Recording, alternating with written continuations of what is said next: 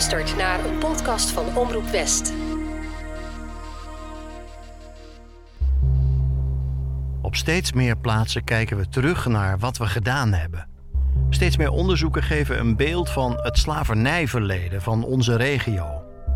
Of we dat nou graag willen of juist helemaal niet, er zijn raadsmeerderheden, budgetten en onderzoekers die klaarstaan om de archieven in te gaan. Wat gaan die vinden? En welke invloed gaat de geschiedenis hebben op ons heden? Je luistert naar Wij Slaven van Holland, een podcastserie waarin we kijken naar die onderzoeken en naar de historie die nu onder de loep ligt. Ik ben Richard Grootbot en dit is aflevering 2. We schrijven geschiedenis. In de tweede klas van de HAVO kreeg ik geschiedenis van meneer Kokhuis. Hij heeft verschillende boeken geschreven over de historie van de regio. Die stonden bij mijn ouders in de boekenkast. In de klas leerden we uit een ander boek, een geschiedenisboek, Wereld in Wording. Heel dik, donkergroen was het. En het besloeg de hele geschiedenis van de prehistorie tot en met de Tweede Wereldoorlog. Ik zat in de klas naast Chris, een vriend van me die toen al wist dat hij geschiedenisleraar wilde worden, net als meneer Kokhuis. En Chris bleef maar benadrukken hoe belangrijk het voor mij als journalist zou worden, want ik wist toen al dat ik journalist wilde worden, om de geschiedenis goed te kennen. Dus er was geen ontkomen aan. We studeerden altijd samen om minstens een 8 voor geschiedenis te kunnen halen. Nou ja, in mijn geval dan een 7 min. In de 16e eeuw zijn kruiden en specerijen erg gewild in Europa. We spoelen de band even vooruit. School-TV in 2006 met een filmpje over de VOC. Omdat de vraag naar peper in Europa heel groot is, is het ook peperduur. Er wordt enorm veel geld mee verdiend. Dan komt er een uitleg over hoe Hollandse handelaren tegen elkaar opbieden en dat zo de winst verloren gaat. Oftewel, de winst gaat naar de lokale bevolking. En dan komt de VOC. Deze VOC wordt in 1602 opgericht en krijgt heel veel macht. De VOC is groot, de VOC mag alles. Geen woord in het filmpje over wie die grote forten daar gebouwd heeft of wie de specerijen verbouwde. Het is een verhaal over de VOC, maar dan echt alleen de mooie kanten ervan. Eigenlijk is de VOC de eerste multinational ter wereld. Het heeft honderden schepen en tienduizenden werknemers. En het heeft slaven, maar die zijn in 2006 nog niet zo in beeld. Het filmpje van SchoolTV komt uit hetzelfde jaar als deze uitspraak in de Tweede Kamer van premier Balkenende. Laten we zeggen, Nederland kan het weer. Die VOC-mentaliteit. Over grenzen heen kijken. Dynamiek. Toch? Hoe stond het dan in mijn geschiedenisboek, het slavernijverleden van ons land? Het werd er tamelijk beknopt in behandeld, drie kwart pagina weet ik nog. Als ik het na die tijd nog allemaal goed terug kan halen, dan stond er vooral dat Nederlanders alleen voor het vervoer van de tot slaafgemaakte hadden gezorgd. Niets om je zorgen over te maken als HAVO 2-leerling.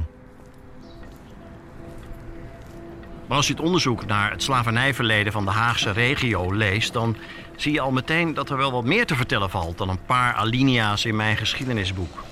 Wat Chris en ik destijds lazen, ja, dat klopte niet helemaal. Tot op het niveau van personen, instellingen en overheden laten die onderzoeken van nu ons meekijken met de manier waarop wij zijn omgegaan met tot slaafgemaakte. Als product, als onderdeel van financiële waarde, als handelsobject. En een van de vragen die ik in deze serie dan ook stel is: waar leiden die onderzoeken dan toe? Wat gaan we ermee doen? En ik ga er nu over praten met iemand die vindt dat de informatie die we nu hebben zo snel mogelijk moet worden omgewerkt naar een nieuw geschiedenisboek. Een boek dat wel klopt. Sterker nog, ze is al bezig.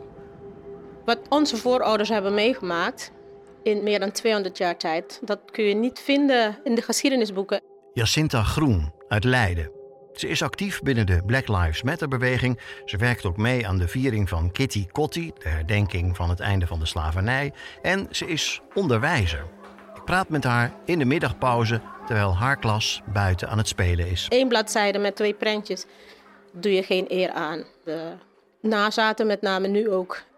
We moeten gewoon het eerlijke verhaal vertellen. Ik vertel Jacinta over wat ik vroeger leerde tijdens de geschiedenisles en wat er in mijn geschiedenisboek stond. Wat erin staat is, zijn ook alleen maar eh, leuke verhalen. De, de, de, successen, maar de excessen die uh, worden niet verteld. En daarom doet dat ook pijn. Want Nederland heeft zijn welvaart te danken aan het plunderen van de koloniën. Wat je ook dan hoort, premier Balkenende, die had echt ook over de VOC-mentaliteit. Hij riep op om door te gaan met VOC-mentaliteit. Maar vertel dan de waarheid, het hele verhaal en die pijn. Jacinta heeft zelf al werk verzet om ervoor te zorgen dat haar eigen leerlingen meer aan de weet komen over het slavernijverleden van Leiden. Ze schreef zelf een lesbrief en ze vindt dat de onderzoeken die nu worden gedaan op termijn moeten worden gebruikt om betere geschiedenisboeken te maken. Dat moet zeker aangepast worden, want ik ben zelf lerares en uh, uh, ik heb een oproep gedaan richting de gemeente gezegd van, joh, ik weet dat die geschiedenisboeken niet binnen een paar uh, jaar uh, veranderd kunnen worden, maar we kunnen wel mee beginnen. Dus ik heb toen uh, in opdracht met subsidie van de gemeente heb ik een lespakket samengesteld met het eerlijke verhaal. We beginnen bij, de, bij jonge kinderen. Het jongste kind. Ja, we horen nu kinderen buiten, buiten spelen. dit, dit zijn ook de groepen aan wie je dit verhaal wil vertellen. Ja, dat is absoluut. Ik zie inderdaad kinderen lopen uit groep drie, die zie ik inderdaad op het schoolplein. En zij moeten het, uh, we moeten daar beginnen. We moeten echt bij het jongste kind beginnen met het eerlijke verhaal. Elk jaar weer iets extra's erbij. En uh, dan weten ze eigenlijk waar het over gaat.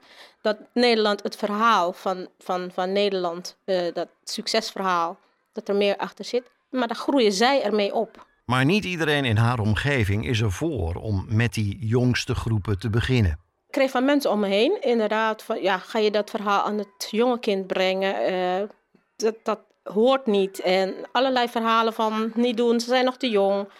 Maar wat dat betreft ben ik heel koppig geweest. En ik werk ook al jaren met kleintjes. Dus ik weet wat kinderen aankunnen. Natuurlijk weet je hoe je dat brengt. Je brengt niet meteen uh, de gruwelijke verhalen uh, richting de kinderen. Maar ze moeten wel het eerlijke verhaal horen. En vanaf het begin, niet later. Dan is het te laat. Sinds de eerste onderzoeken naar het slavernijverleden van Nederland zijn gepubliceerd, ziet Jacinta al wel wat veranderingen om zich heen gebeuren. Mensen zijn eerder bereid om te accepteren dat bijvoorbeeld de geschiedenislessen uitgebreid moeten worden, zegt ze nu er steeds meer informatie komt over de rol die Nederland heeft gehad. Ja, ik vind wel dat, uh, uh, gelukkig, ik begin met het positieve, dat er inderdaad een, een, een, een verandering is te merken. En dat vind ik wel heel fijn. Meer empathisch vermogen bij de mensen. En, uh, maar je hebt ook een, eigenlijk een hele kleine groep. De, de grootste groep die gaat, beweegt gewoon goed mee. En de, de kleine groep, daar heb ik het idee gewoon hoe luidruchtiger je bent, hoe meer aandacht je krijgt. Waardoor het lijkt alsof heel Nederland uh, uh, zich hier tegenkeert. Maar dat is niet het geval in mijn ogen. Maar Jacinta merkt in haar dagelijkse omgeving ook dat ze anders wordt behandeld omdat ze zwart is. Ze geeft een voorbeeld. Ik wilde een elektrische fiets kopen. Ik kom in een fietsenzaak en ik vraag om de elektrische fietsen waar ze staan. En mij werd uh, uh, op de uh, tweedehands elektrische fietsen gewezen. En ik zei, ik heb niet het woord tweedehands gebruikt. Maar er werd niet naar me geluisterd. Dus dit is echt ook weer een voorbeeld over luisteren ik wil graag een elektrische fiets. En uh, ik, liep richting, ik zag ze en ik liep richting de elektrische fietsen. En werd me verwezen naar de andere kant, waar de tweedehandse stonden. Toen, toen wilde ik ontploffen, maar ik dacht, nou, doe maar niet. Wat je moet doen is even tot tien tellen. En uh, toen kwam mijn man aan, die was de auto gaan parkeren. En toen droop degene af. Want die witte man, die kan wel die nieuwe elektrische fiets bekostigen, maar de zwarte vrouw niet. Dus dat zijn dingen die nog steeds pijn doen. Zwarte zijn minder, ze kunnen niks. En daar moet gewoon ook echt verandering in komen. Als zwarte kun je je geen dure elektrische fiets veroorloven. Dat is wat die verkoper toch op zijn minst heel even gedacht heeft. En zeg nou zelf van de gedachte: zwarte hebben geen geld, naar een andere gedachte: zwarte brengen geld op. Hoeveel stappen zitten daar dan tussen? Als ik nou veronderstel dat de discriminatie van nu een gevolg is van het racisme van vroeger en dat dat weer een gevolg is van de slavenhandel van toen. Welke andere verklaring is er dan, behalve deze? En ik ben weer terug bij de vraag die ik me al langer stel: hoe het begon. Waarom we bij schip nummer 1 dachten: hiermee gaan we door. En ik doe weer een paar stappen buiten mijn journalistieke comfortzone. En ik neem je mee naar 1597, naar een verhaal gebaseerd op brieven, biografie en de resolutieën van de Staten-Generaal, naar Malaika, dat Afrikaanse meisje dat haar verhaal vertelt in een nieuwe scène van ons hoorspel. Het eerste schip dat ons, Afrikaanse gevangenen, naar Holland brengt, is gekaapt door een bemanning die werkt voor een man die Pieter van der Hagen heet. In 1597 staat hij bekend in de Nederlandse Republiek en niet zo best ook. Een vrijbuiter, een harde man. En nu is het schip dat hij heeft gekaapt de haven van Middelburg binnengevaren. Wat is Middelburg? Een land? Een stad? Een, een, een koning? Is het de naam van een van de volken in dit koude land? We moeten naar boven, allemaal. Naar het dek en daarna de loopplanken af aan land. In Middelburg. Een paar gevangenen strompelen en zakken onmiddellijk door hun knieën. Doordat we maandenlang vrijwel geen beweging hebben gekregen, zijn onze spieren zwak geworden. Onder geschreeuw en geduw van de Hollanders worden kinderen door hun vaders en moeders van boord gedragen. Ik sta met mijn voeten op vaste land. Goddank, ik leef nog. Onze groep wordt uiteengetrokken. Kinderen en ouders worden gescheiden. Er ontstaat paniek. In de afgelopen maanden zijn we van losse gevangenen een groep geworden. En nu, nu we na maanden van ellende in de ketenen eindelijk van boord mogen, zijn we van een groep veranderd in een volk. Attentie, Daar staan we dan, luistert allen. op de wallenkant van de haven, rillend van de kou, terwijl een witte man ons en de bemanning toespreekt. geen slaaf meer kunnen zijn. Ik heb het idee, zoals hij daar staat, zich beweegt, hoe hij zijn stem gebruikt, dat hij gestuurd is door een hogere autoriteit. Geen slavernij in Zeeland. Ik heb geen idee wat hij zegt, maar hij wijst op ons. Dit gaat over ons. We blijven ook helemaal niet in Zeeland. Zodra we eten en drinken hebben ingeslagen, gaan we weer weg met de lading van ons schip. Dit is geen lading. Dit zijn mensen. Het is van mij. Ik bepaal wat ermee gebeurt. Dit is de wet. Er zijn hier geen slaven. Dit is Spanje niet. U kunt ze niet vasthouden. er komt iemand naar me toe gelopen. Niet verkopen. Ben je besodemieterd? Allereerst, dit zijn geen misdadigers. Dus die ketenen gaan gewoon af. En daarna worden ze opgevangen.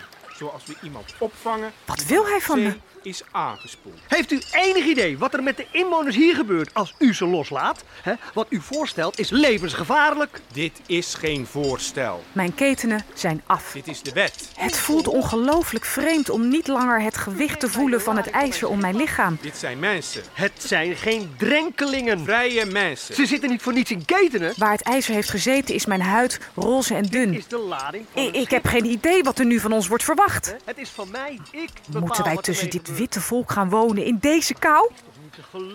Terwijl zijn ketenen worden afgedaan, fluistert een veehouder van het volk van Malinke naast me. Onthoud goed, we zijn niet echt vrij. Niemand in dit land gaat ons vrijlaten. Straks is er nog een scène over dat verhaal van Malaika en de mensen waarmee ze nu aan land is gekomen. Maar eerst is er nog iets wat ik met Jacinta wil bespreken. Ze vertelde me in het gesprek wat we hadden dat ze merkte dat een grote groep mensen anders is gaan denken over het bestaan van racisme in Nederland. Sinds er meer informatie is gekomen over dat slavernijverleden en wat je daar nu nog van merkt. Maar ik spreek ook mensen die zich vooral afvragen wie of wat er dan moet veranderen. Die excuses van de burgemeester die komen niet namens mij, zeggen ze dan. Ik heb niks verkeerd gedaan. Hoe kijkt Jacinta daar tegenaan? Ik vind dat mensen eh, zich niet schuldig hoeven te voelen. De- En het gaat ook niet om de mens, de, de burgers uit Neder- in Nederland. Het gaat gewoon om de overheid. De overheid moet daar wat aan doen. En eh, excuses op zijn plaats. Nederland heeft mijn voorouders uit hun land gehaald. Naar een heel ander deel van, van de wereld. En daar de mensen onderdrukt. Onmenselijk eh, behandeld. Daar moet gewoon recht aan gedaan worden. Dus een excuses door de overheid is op zijn plaats. Excuses van de overheid. En als ik heel eerlijk ben, dan denk ik: wat hebben die voor waarde? Wat moet je daar dan mee? Of, om het nog wat scherper te stellen, mijn familie had geen poortersrechten, dus die mocht ook helemaal geen investeringen in de koloniën doen. Maar goed, die excuses worden ook niet gemaakt voor of namens mij persoonlijk of mijn familie. Jacinta zegt me: probeer je nou eens voor te stellen dat die excuses voor mij wel waarde hebben. Omdat de moeder van mijn oma in slavernij geboren werd, omdat het over mijn familie gaat. Va- vaak is het, ja, weer woke gedoe. Joh, is al zo lang geleden. Dat soort dingen. Daar, dat is waarom ik heb over empathie tonen aan de mens. Als je dat niet hebt, dan komen we niet ver. Empathie. Ik probeer me in te denken dat die excuses wel iets betekenen voor mensen die komen uit een familie die nog maar een paar generaties geleden in slavernij leefde. En als ik luister naar het verhaal over de familie van Jacinta, dan lukt me dat. Maar wat nou als het me niet lukt? Als ik die empathie niet voor elkaar kan krijgen? Wat dan? Dit onderwerp roept emoties op altijd. Die emoties zijn niet altijd eh, fijn, maar het hoort. En als je ehm, die emoties hebt, praat met elkaar.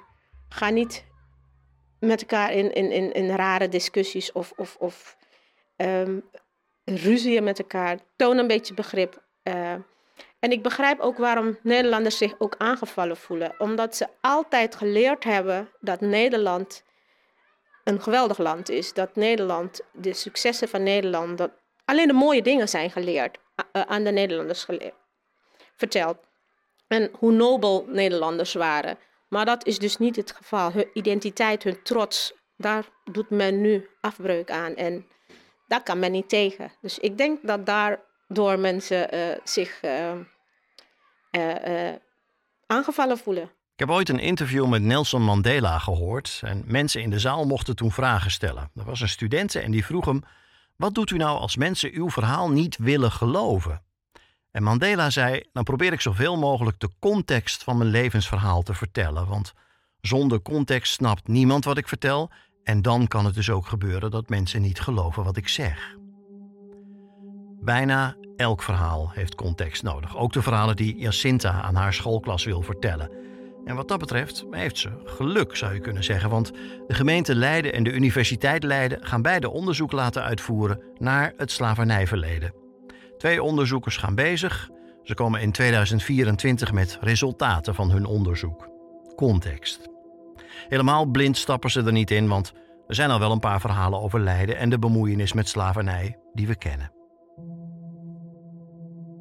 Maar er zijn meer onderzoeken bezig. We hoorden bijvoorbeeld al van het onderzoek rond het Koninklijk Huis. 545 miljoen euro dat is wat de Oranjes in de periode 1675 tot 1770, omgerekend naar hedendaags vermogen, hebben verdiend aan het Nederlands kolonialisme en de slavernij. Dat is de conclusie van het eerste rapport dat over de betrokkenheid van de Oranjes is verschenen. Intussen gaat een ander onderzoek de komende jaren verder om meer feiten boven water te halen. Want begon die betrokkenheid van de Oranjes bij de koloniën en slavernij misschien niet eerder dan 1675? En wat gebeurde er dan na 1770?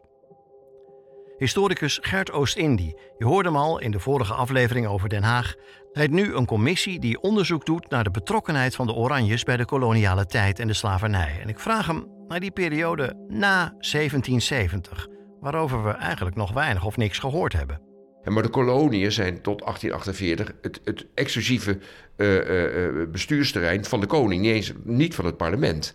Dus niet alleen is dan de koning totaal verantwoordelijk voor wat daar gebeurt, maar een belangrijk gedeelte van wat daar verdiend wordt gaat ook weer naar hem. Geen twijfel dat ze direct of indirect geprofiteerd hebben van het koloniale bezit.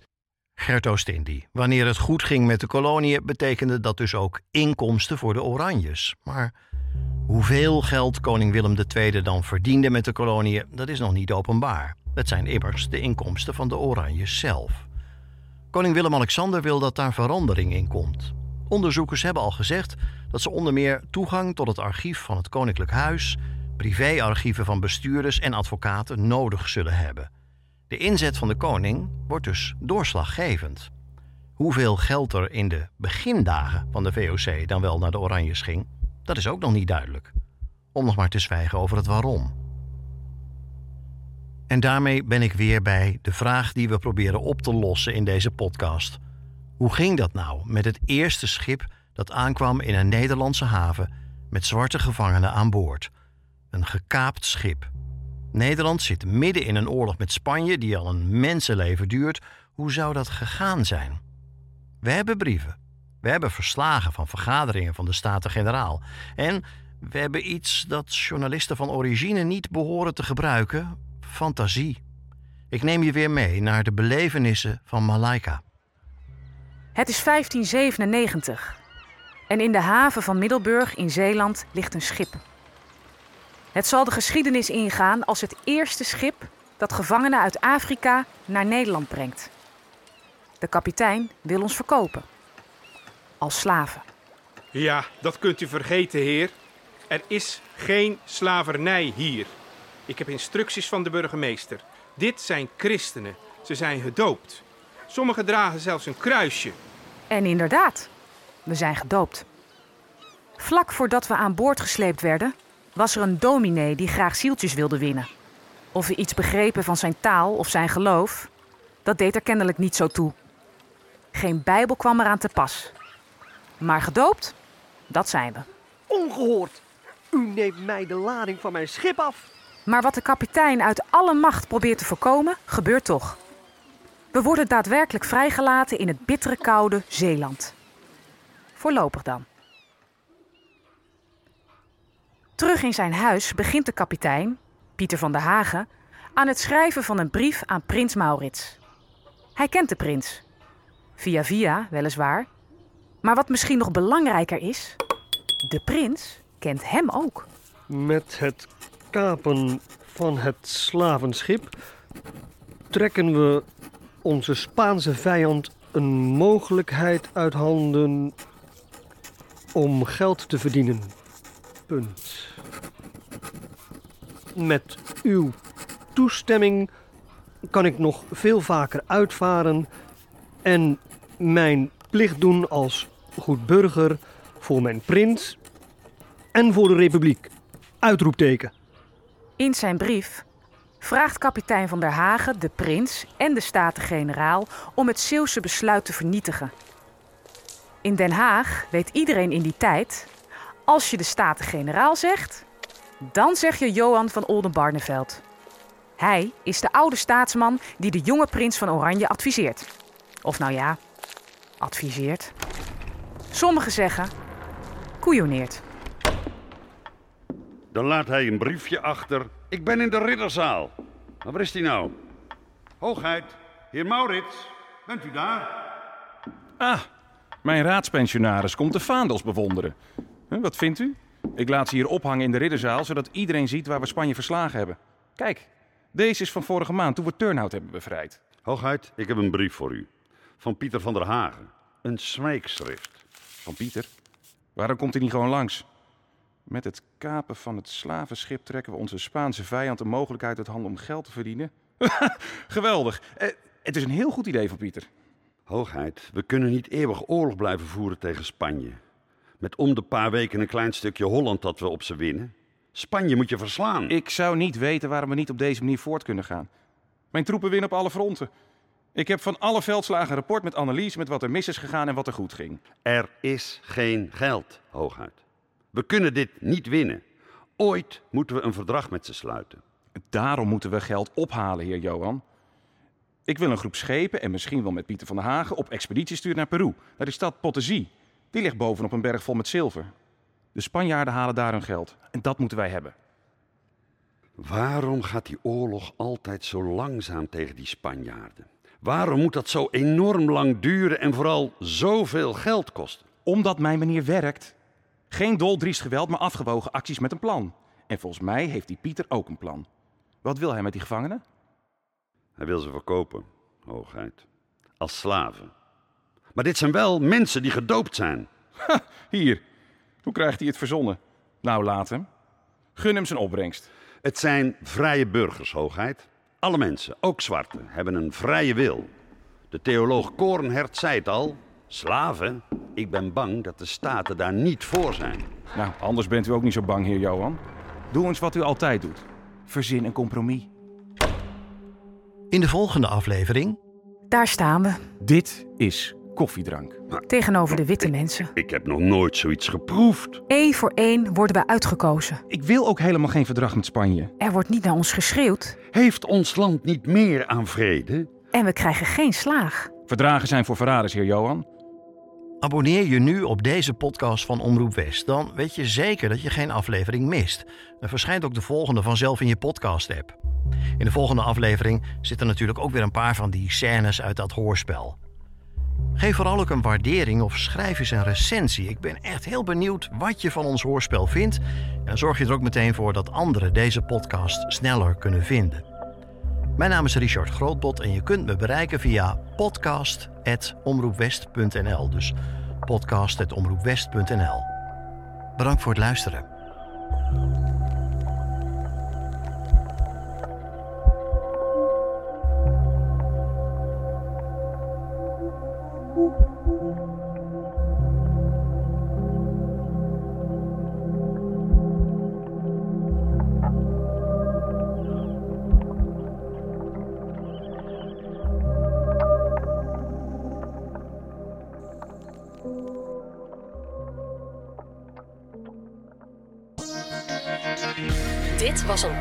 Van Omroep West.